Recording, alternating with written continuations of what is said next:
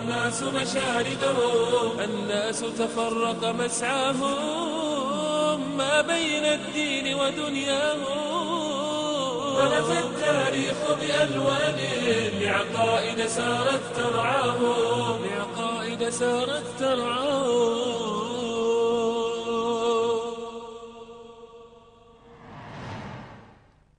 الحمد لله رب العالمين. وصلى الله وسلم وبارك على عبده ورسوله محمد وعلى آله وصحبه الطيبين الطاهرين. أما بعد أيها الإخوة والأخوات فكما نعلم كان الحديث في اللقاءات الماضية متعلقا في جملته بعموم التاريخ البشري ونشأة الحضارة وما يرتبط بذلك من قضايا هي مثار النقاش والنزاع والجدل حول المناهج الثلاثة التي تقدم الحديث عنها.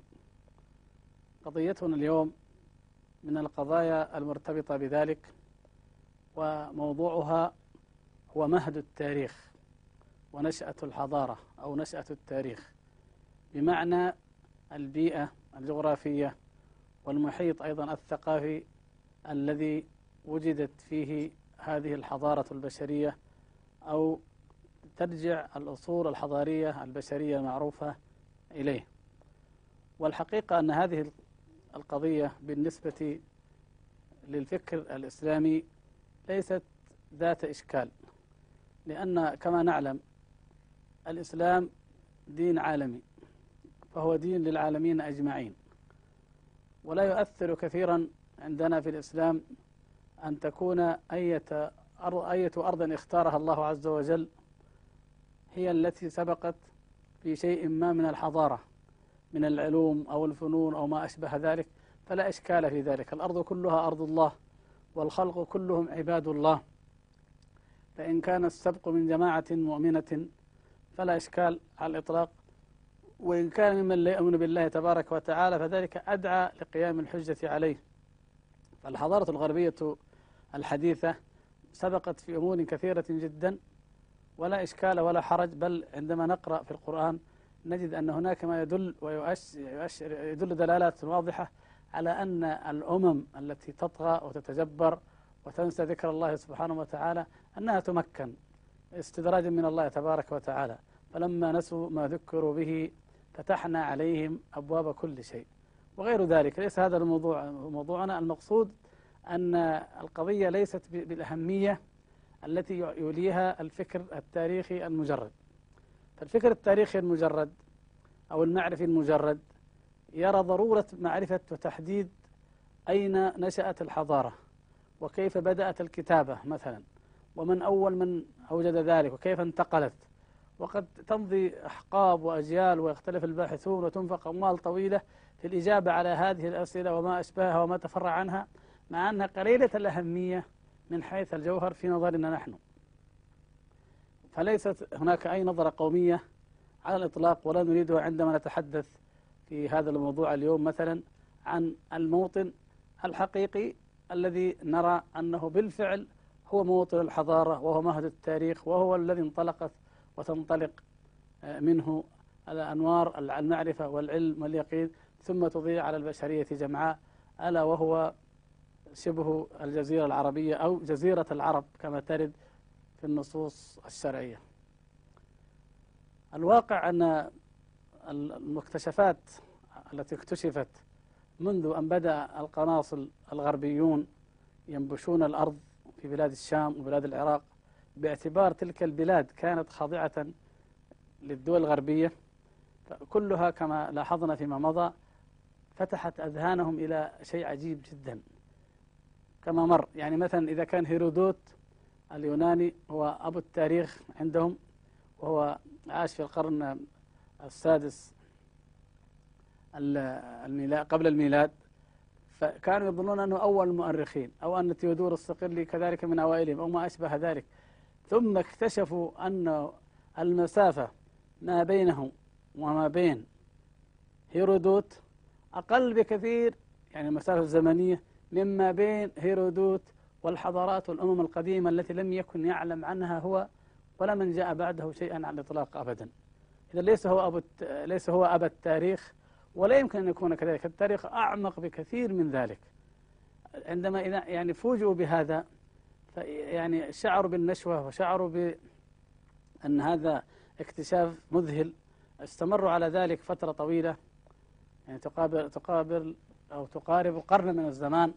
يعني ما يقابل في تاريخنا الهجري القرن الرابع عشر تقريبا بأكمله ونصف من القرن الثالث عشر. فالشاهد أنهم عندما وجدوا ذلك أخذوا يزدادون شوقا وتلهفا وتطلعا إلى من أين نبعت هذه الحضارة ومن أين جاءت. وكان هناك كثير جدا منهم لا نستطيع الآن أن نحصرهم لكن كثير من العرب والمسلمون تنبهوا إلى كلامهم. أنه كان هناك من تعمد أصلا أن يبحث وأن ينقب لكي يؤيد ما جاء في التوراة من أخبار الأمم الماضية. والبعض ينقب لأسباب علمية بحتة على أي حال. الجميع لما نقبوا وجدوا أن هناك تضاربا شديدا في الأقوال وأنه لا يمكن أن تجتمع هذه الآراء على مسألة محددة في مسألة أصل الحضارة وأصل الكتابة ومن بنى ومن شيد هذه المباني العظيمة الهائلة المتبقية آثارها كالأهرام في مصر أو المعابد أو القصور الموجودة في العراق وفي بلاد الشام وما أشبه ذلك. هنا جاء التحليل الآخر الذي دائما يمدنا وهو من أفضل ما يمدنا بالمعلومة الدقيقة والصحيحة في هذا الشأن وهو ما يتعلق باللغة. عندما كان المفتاح لفهم الحضارات ولفهم التاريخ كله هو الكتابات التي وجدت وعندما حلت رموزها وفكت أصبح هناك مجال واسع واتسعت الآفاق المعرفة التاريخية البشرية اتساعا هائلا جدا عن طريق الكتابة. إذا تحليل الكتابة وتتبع أصول الكتابة يعطينا دلالة عميقة على أصل هؤلاء الأقوام وعلى نشأتهم وعلى الموطن الذي جاءوا منه. من هنا بدأوا يتتبعون وكانت المفاجآت تشبه أيضا المفاجآت في ما فيما يتعلق بالأدوات وفيما يتعلق بالحضارة الشكلية أو الحضارة المادية للإنسان سواء كان في الهلال الخصيب بلاد الشام والعراق أو في مصر أو في غيرها. مع أن أيضا هناك من يقول أن أصل الحضارة قد يكون أواسط آسيا قد يكون الحبشة قد يكون أوروبا هي لا إشكال لو كان كذلك لا إشكال في عندنا في الإسلام لكن هم بأنفسهم تبين لهم. بعد جهد جهيد جدا أن الدلالات اللغوية والحضارية تثبت وتشير دائما إلى أن جزيرة العرب هي المنبع وهي الأصل. نعم لم تحظى جزيرة العرب بالتنقيب الذي يكفي في نظرهم لأنهم لم يستطع, لم يستطع أن يخترقها منهم إلا عدد قليل في تلك الأيام. ولا تزال حتى الآن تشبه الأرض البكر في كثير من جوانبها لم تكتشف على منهجهم في الاكتشاف الماديات. ولكن في الحقيقة أن هناك بحوث تقدمت جدا حتى أمكن أن يصلوا إلى ما يشبه اليقين. وأصبح كثير منهم الآن يصرح به وهي أن جزيرة العرب هي الموطن الأصلي لما يسمى المجموعات السامية التي كانت عن طريقها الهجرات إلى بلاد الرافدين وإلى مصر وغيرها وكل الحضارات هذه تقريبا تتكلم بلهجة أو بلغة يمكن أن نرجعها في النهاية إلى أنها اللغة السامية كما يقولون. لماذا قالوا السامية؟ يعني لاحظ أنه في, في, في النسب القبائل العربية. ممكن أنت أن تنتسب فتقول أنا مثلا عربي تنتسب إلى العرب باعتبار العرب جميعا أن نسب واحد وممكن تنتسب إلى قبيلتك التي تنتمي إليها. لكن عندما يأتي أحد فلا, فلا يذكر القبائل الدنيا مطلقا وينسب إلى الأصل أو المرجع القديم فمعنى ذلك أنه له هدف وهو إيش؟ الدمج دمج المجموعات جميعا في بعضها. لأن التاريخ التوراتي يفصل الجماعة اليهودية فصلا كاملا عن بقية البشر. فهو يعني التوراة وكل الأسفار التي فيها كلها تتكلم بشكل محوري مركزي شديد على بني إسرائيل ولا تتعرض لغيرهم. والطرف الآخر هو بنو إسماعيل يعني هؤلاء بنو إسحاق وهؤلاء بنو إسماعيل فهم العرب.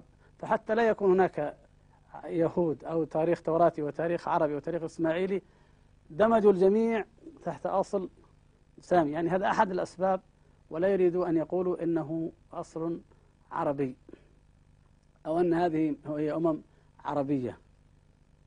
طيب لما, لما لا نوضح نحن الموقف أولا في أو آه، نستغل هذا ونقول وهل فعلا يعني هل نحن نقول الآن أو حتى نفتخر أن هؤلاء كانوا عربا؟ يعني حتى لو كان السومريين مثلا لو كان السومريون عربا فضلا عن أن الأكاديين ومن بعدهم من أشور والكانعانيون والأموريون وغيرهم آه، الأراميون. الآن تقريبا مجمع على أنهم عرب لكن سومر مثلا. نقول هي ليست ليس ليس لأن هذا يهمنا كثيرا لكن لأن الحقائق الآن بدأت تتجمع حول هذا الموضوع. فنقول مثلا آه، التذكير بما قلنا في الماضي أنه العرب كانت تقسم التاريخ قسمة بعيدة جدا عن القسمة الأوروبية فهي تنظر للتاريخ لأنه من إسماعيل. فصاعدا فهذا تاريخ يعتبر حديث وقريب جدا. ومن إسماعيل وإبراهيم عليه السلام فما قبل فهو التاريخ القديم. عاد وثمود والقرون الأولى هذه التاريخ القديم للعرب. نجد أن النبي صلى الله عليه وسلم حدد في حديث صححه الشيخ الألباني رحمه الله أول من فتق لسانه بالعربية المبينة إسماعيل. إذا من إسماعيل عليه السلام إلى الآن هذه هذه هؤلاء العرب التي الذين يتكلمون باللسان العربي المبين. إذا لدينا لدينا نوعان من العربية. العربية القديمة والعربية الحديثة المتأخرة المبينة التي نزل بها القرآن بلسان عربي مبين. عندنا إذن هاتان هذان النوعان. الأمم العربية القديمة كعاد وثمود لا تزال اللغة التي تكلمتها أو بقايا تلك اللغة كما هي محفوظة في أخبار العرب وفي أشعارها عربية اللسان. وهذه الأمم هي التي هاجرت. وبطبيعي أنها مع الهجرة إلى بلاد الشام أو العراق أو مصر أن تختلط اللغات وأن تتأثر واللهجات تزداد وتتوسع. فظهرت لهجات كثيرة جدا السريانية الآرامية اللغة المصرية القديمة آه، ظهرت أيضا في العراق الأكادية الآشورية وهكذا. لغات كثيرة ولكنها جميعا كما حللها اللغويون يسمونها اللغات السامية. وسوف نقرأ هذا من كلام أهل الكتاب لنعرف أن القضية هي قضية تكبير العائلة وتعميم حتى يفر من تحديد هوية اليهود واللغة العبرية. وهي أن لا تشكل إلا جزءا يسيرا من التاريخ العربي القديم. بمعنى أن هذه القبيلة التي تحتكر, تحتكر إبراهيم عليه السلام وتحتكر تاريخه وتهمل الإبن الأكثر عددا كما في نصوص التوراة جدا وهو إسماعيل وأبنائه الكثيرون جدا أبنائه الكثيرين جدا أنها أن هذه اللغة نفسها ما هي إلا لهجة عربية. يعني اللغة العبرية هي نوع من اللهجات العربية التي المتفرعة عما يسمونه اللهجة السامية. في إمكاننا نحن أن نقول بدل من السامية أن نقول اللهجة العربية القديمة. وسام هو عندهم ابن نوح فإذا القضية هي قضية عربية قديمة وعربية حديثة. ونأتي الآن بما يدعم ذلك من الكتب. فمثلا نقرأ في دائرة المعارف الكتابية التي كتبوها بعنوان اللغة العربية أو عفوا اللغة العبرية. عندما يتكلمون عن اللغة العبرية يقولون إن اللغة العبرية هي لغة الشعب الإسرائيلي كما أنها اللغة الأصلية لأسفار العهد القديم. وبينوا أن هذه الأسفار مكتوبة باللغة الآرامية. عفوا دانيال. فهي مكتوب باللغة باللغة العبرية هي إحدى اللغات السامية الشمالية الغربية. لماذا؟ قال لأن هذه تشمل كافة اللغات الكنعانية بمختلف لهجاتها وهذه تهمنا جدا الكنعانية بمختلف لهجاتها والآرامية بما فيها السريانية التي اشتقت منها والسينائية والأوغارتية والفينيقية والمؤابية كلها قد يأتينا تفصيلها بعد إن شاء الله. ثم يتكلم عن اللغات السامية الشمالية الشرقية فتشمل الأكادية وما تفرع عنها من بابلية وأشورية. يعني لغة أكاد وهي قد تكون عقد باللغة العربية لأنها نحن الآن نقرأ هذه الأسماء بعد أن حرفها الغربيون عن قراءتها في لغتها الأصلية. فأكاد هي والله أعلم عقد يعني عقد أو عقاد أو ما أشبه ذلك. فهذه تفرعت عنها أو نشأت عن البابلية والآشورية في العراق. والأسماء أسماء الملوك تدل على ذلك. يعني جمدة نصر أقدم ما يتكلمون عن جمدة نصر. كذلك أسماء الملوك الآخرين لعله نستعرض ذلك فيما بعد. المقصود أن هذه هي التي كما يعبر عنها آه، اللغات الشمالية. أما اللغات السامية الجنوبية فتشمل العربية الشمالية والجنوبية والحبشية. ولكل لغة من هذه اللغات أهميتها في فهم اللغة العبرية لصلتها الوثيقة بها. قال أصلها يعني أصل اللغة العبرية ما هو؟ يقول العبرية هي إحدى اللغات الكنعانية ولذلك تسمى لغة كنعان في أشعياء كما تسمى باللسان اليهودي وذكر تاريخ تسميتها بالعبرية وأن الشعب العبراني من أصل أرامي. يقولون أن الشعب العبري من أصل أرامي بناء على إحالة لديهم في التكوين أن إبراهيم عليه السلام كان آراميا وآرام هم بقية عاد التي ذكر الله تبارك وتعالى ألم تر كيف فعل ربك بعاد؟ إرم ذات العماد. بقية إرم أو أرام كما تختلف في نطقها اللغات فيقولون إن إبراهيم عليه السلام كان عبدا آراميا. والشعب العبري الذي هم يجعلونه كله اليهود يحتكرون يجعلونهم يهود وليسوا أنبياء الله تعالى بيهود على الإطلاق. الشعب العبري هذا يقولون إنه شعب آرامي ولغته هي اللغة الكنعانية. نوضح ذلك أكثر ونعتذر على الإطالة. يقول مثلا مميزاتها. يقول اللغة العبرية لغة أبجدية تتكون من 22 حرفا. تجمعها أبجد هوز حطي كلمن سعفض قرشت إلى آخر. التي هي طبعا بالضبط موجودة فين؟ في اللغة العربية. فه فهذا كونها لغة عبرية وكونها تقوم على هذا التهجئة هذه التهجئة أبجد هوز إلى آخره فهي إذا نفس الحروف العربية القديمة جاءتهم عن طريق الكنعانيين فهي إذا إحدى فروع اللغة العربية ولا تزال حتى الآن وثيقة الصلة باللغة العربية الحالية فضلا عن اللغة العربية القديمة. فإذا ثبت هذا في اللغة العبرية فما يعترفون هم به أنه لغات عربية وإن سموها أحيانا سامية فهو أجدر وأحرى أن يكون لغة عربية قديمة. وعلى ذلك مثلا نحن مع آه، مؤلفي كتاب العراق في التاريخ عندما قالوا في ذكر الأكاديين قالوا وبمناسبة ذكر مصطلح الساميين لا بد لنا من الإشارة هنا إلى أن هناك اتفاقا في الرأي بين معظم الآثاريين وفي مقدمتهم العراقيون على ضرورة إعادة النظر في هذا المصطلح الذي لا يستند في الواقع إلى أساس تاريخي مقبول. ويقول وكان الكاتب يعني الذي كتب هذا من بين القائلين بضرورة إيجاد مصطلح بديل له مثل قبائل الجزيرة. يعني بدل ما نقول ساميين نقول قبائل الجزيرة أو الجزريين للإشارة إلى تلك القبائل التي كان موطنها الأصلي جزيرة العرب والتي كانت تتكلم لغات أو لهجات تعود في أصلها إلى لغة واحدة هي لغة الجزيرة والتي كانت أيضا تتشابه إلى جانب ذلك بجملة من السمات التاريخية والحياة المعاشية والأعراف والتقاليد والقوانين والمعتقدات الدينية.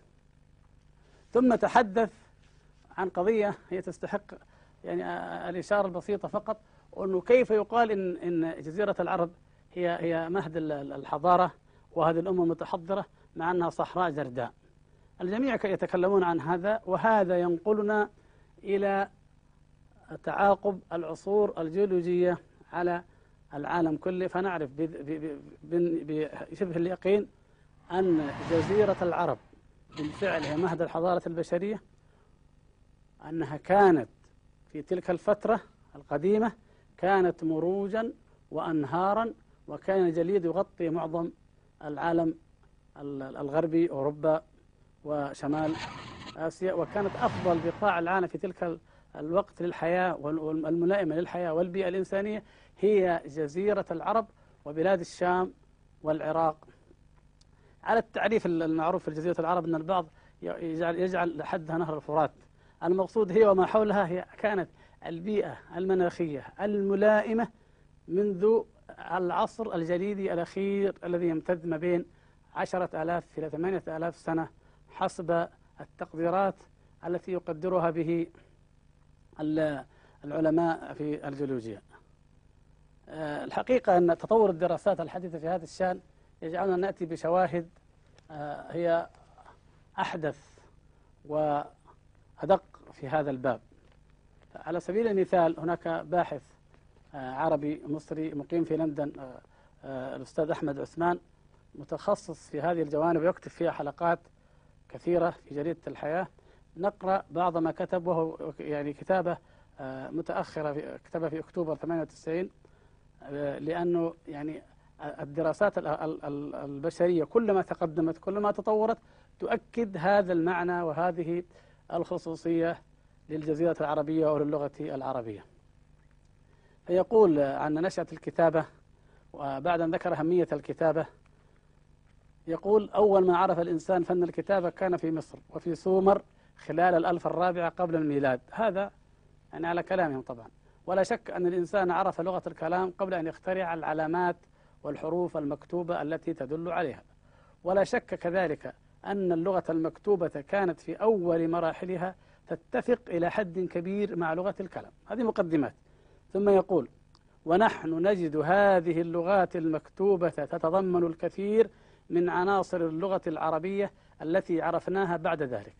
مما يؤكد ما أصبحت تشير إليه الدراسات الأثرية الحديثة من أن غالبية الأقوام التي سكنت منطقة الحضارات القديمة هاجرت من جزيرة العرب وخلال العصر الجليدي عندما كان شمال أوروبا. والقارة الأمريكية يقع تحت غطاء سميك من الجليد كانت الجزيرة العربية وشمال إفريقيا أراض خضراء أراضي طبعا خضراء تكثر فيها منابع منابع المياه والنباتات. ثم ذكر بعد ذلك أنه منذ ما يقرب من عشرة آلاف عام قبل الميلاد بدأ ذوبان الجليد في المناطق الشمالية وصاحب هذا عملية تصحر في التدريجي في الجزيرة العربية. فلذلك كانت غالبية الهجرات البشرية التي جاءت إلى أرض الهلال الخصيب ووادي النيل في الأزمنة القديمة مصدرها الجزيرة العربية وشمال إفريقيا. وما الكنعانيون والأكاديون والآراميون والمديانيون الذين سكنوا هذه المناطق إلا مهاجرون ساميون عرب. خرجوا من الجزيرة العربية منذ الألف السادسة قبل الميلاد. يعني هذا آخر ما ما, ما تدل عليه دراسات حضارية وآثارية كثيرة جدا وهناك حضارات لا شك في عروبتها يعني حضارة مثلا نبدأ من الأول. آه، ليس في القرآن ما يدل على آه، مكان قوم نوح عليه السلام. هناك ما يدل على الجبل الذي استقرت عليه السفينة وهو الجودي فنأتي عليه إن شاء الله في حلقة قادمة.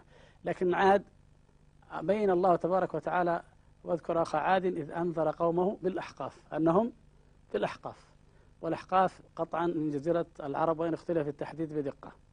وبعد ذلك ثمود. ثمود نجد أننا أمام حقيقة أوضح وأجلى وهي أن ثمود في جزيرة العرب. مدين بلا شك أنها في جزيرة العرب. نقترب أكثر من الوضوح حين نجد أن إبراهيم عليه السلام وإسماعيل عندما بنيا الكعبة فلا شك أنها كانت هذه الكعبة وهذه مكة المعروفة أنها في جزيرة العرب فأصبحت الآن قضية معلومة بالتواتر لدى البشر جميعا. ثم جاءت القضية التي أجلى من هذا كله مثل الشمس وهي بعثة محمد صلى الله عليه وسلم من مكة من البلد الذي بنى فيه إبراهيم الخليل آه هذا البيت الحرام. فالقضية إذن أصبحت ظاهرة وجلية أن تاريخ البشرية من الأول إلى الآخر مرتبط بهذه الجزيرة وبما حولها وأنها مهد الحضارات وأنها منشأ التاريخ العالمي والأنبياء جميعا يعني عاشوا عليها أو قريبا منها وسواء اعتبرنا بلاد الشام كلها أو فلسطين جزءا شماليا لجزيرة العرب أو ليس كذلك المقصود المنطقة هذه. ففي النهاية نجد أن أنبياء بني إسرائيل عليهم السلام جميعا هم جميعا من ذرية إبراهيم عليه السلام. وإبراهيم عليه السلام عروبته ثابتة من كونه أرميا كما قالوا ومن ما نعتقده نحن وما هو في تاريخنا وفي كتبنا من قدومه إلى مكة ومخاطبته لجرهم وهم أصهار إسماعيل عليه السلام. وغير ذلك يعني الأستاذ عباس محمود العقاد وهو ممن لا يتهم بالقومية إن شاء الله.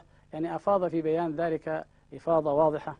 الأستاذ محمد عز الدروزة آه، له كتاب تاريخ الجنس العربي ذكر هذه الهجرات جميعا واعتبر أنها هجرات عربية وأن هذا هو الجنس العربي وطابق ذلك لغويا. موضوع اللغة الحقيقة يحتاج تفصيل واسع لكن يعني يعني دلالته واضحة جدا. فلا يستطيع الآن أي مستشرق أو أي باحث يبحث في الأديان القديمة واللغات القديمة إلا من خلال تعلم اللغة العربية. اللي ما تعلمها فلا يستطيع أبدا أن يصل إلى ما وصل إليه.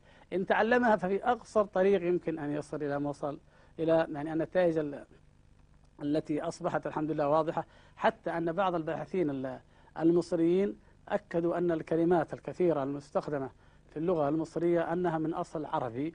آه، للتمثيل فقط الآن نضيق الوقت. تمثل لمثال واحد وهو أن نجد أن المعبودات والآلهة المصرية هي عبارة عن صورة إنسان ورأسه رأس الصقر وهذا يسمى حور أو حورس.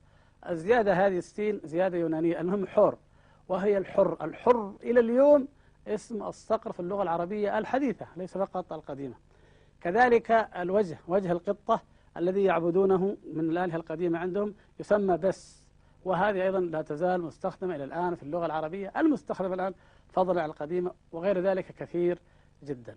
يبقى هناك دلالة يعني لا بأس أن نستأنس بها وهي من التي يعني لا لا نجعلها حجة في هذا لكن يستأنس بها في أهمية هذه الجزيرة العربية وكيف أن الله سبحانه وتعالى اختارها يعني موطنا ومهدا للحضارات للأديان لهداية الإنسان.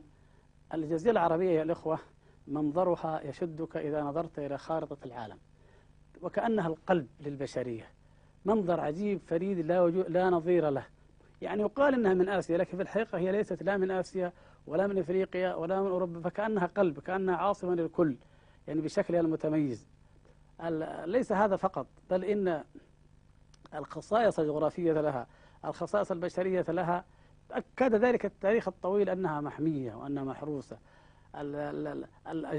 الرحم البشري الذي غالبا ما يكون وكأنه اليمن منطقة اليمن هذا الرحم يدفع دائما بدفعات هائلة على مدار التاريخ من البشر وتنتشر في أقصاء الأرض إلى حد أن المسعودي يقول أن منطقة التبت من حمير ولا يبعد ذلك في الزمان القديم. أما مع الفتح الإسلامي فلا شك أنها انطلقت هذه القبائل وامتدت شرقا وامتدت غربا.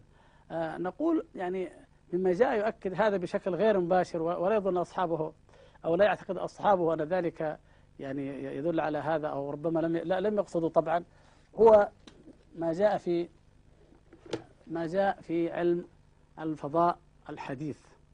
هناك عالم فضاء مشهور وهو كارل ساغان الذي يكتب مؤلفات مشهورة عن عن عن الكون وهو من ضمن وكالة ناسا. الفضائية وترجم له أكثر من كتاب منها كتاب الكون. يعني يمكن تقريبا أكثر كتاب في العالم انتشر عن الكون ومعرفة الكون هو كتاب كارل ساغان. له كتاب آخر سماه كوكب الأرض نقطة باهتة نقطة زرقاء باهتة. يقول كارل هذا في هذا الكتاب عندما يتحدث عن عن الأرض يقول إن يعني إن بعد أن حصلنا على الصورة الشهيرة لمجمل كوكب الأرض التي جلبتها سفينة الفضاء أبولو. يعني أبولو 17 في أول رحلة بشرية إلى القمر. ويقول لقد أصبحت الصورة بمنزلة أيقونة عصرنا فيقول تبدو فيها أنتاركتيا في موقع يعتبره الأمريكيون والأوروبيون هي القاع. يعني يعني قاع العالم. وفوقها تمتد كل قارة أفريقيا ويمكنك رؤية إثيوبيا وتنزانيا وكينيا. وفي القمة على اليمين توجد المملكة العربية السعودية. بالفعل عندما ننتقل إلى الصورة الحقيقية كما نقلها في صفحة 360 نجد أنها فعلا صورة فريدة ومتميزة تميز هذا الجزء العظيم الذي تقع فيه جزيرة العرب. فالنظرة النظرة للأرض رؤية الأرض من الفضاء تختلف عما نحن نراها وهي نحن نرى القطبين في الأعلى وجزيرة العرب كأنها في الوسط على اليمين طبعا على مدار السرطان. الحقيقة أنه صورة فريدة جدا أو منظر فريد جدا أن الأقمار الصناعية عندما يصورها من الفضاء فيظهر أعلى شيء هو جزيرة العرب المملكة العربية السعودية والدول المحيطة بها وكأن مكة هي الوسط بحيث لو قسمت هذه الخارطة هكذا وهكذا لكانت بالفعل مكة هي المركز المهم لهذه الكرة أو شبه الكرة الأرضية.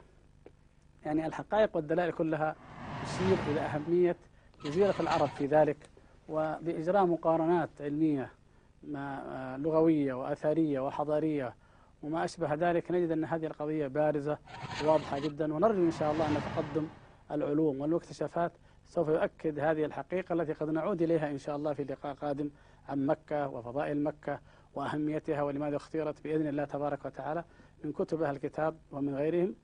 آه إنما يعني كان المقصود في هذه الحلقة وبيان أن مهد البشرية ومهد التاريخ ونشأة التاريخ هو بالفعل جزيرة العرب التي إذا بدأت تقرأ في كتاب الله تعالى فإن الأمم العظيمة التي نشأت فيها هي أعظم الأمم على الإطلاق. وأن العالم البشري كله مهما تباعدت أقطاره يرجع إلى قضية نوح والطوفان ثم إلى قضية إبراهيم فضلا عن عاد وثمود ثم الآثار الحضارية الهائلة التي اكتشفت والتي سوف نرى إن شاء الله في لقاءات قادمة أثر هذه الأمم القديمة التي انطلقت من هذه الجزيرة فهي التي بنت تلك الآثار كما تدل أحدث النظريات الحديثة والكشوفات. آه، نسأل الله سبحانه وتعالى أن يوفقنا وإياكم جميعا وأن ينفعنا بما نسمع وما نقول وأن يهدينا إلى سواء الصراط والحمد لله رب العالمين وصلى الله وسلم وبارك على عبده ورسوله محمد وعلى آله وصحبه أجمعين. الناس تفرق مسعاهم ما بين الدين ودنياهم برز التاريخ بألوان لعقائد سارت ترعاهم. لعقائد سارت ترعاهم. شتى ظهرت وطريق الجنة بغياهم ورد الداعون مناهلها واختار الناس مشاردهم الناس تفرق مسعاهم ما بين الدين ودنياهم.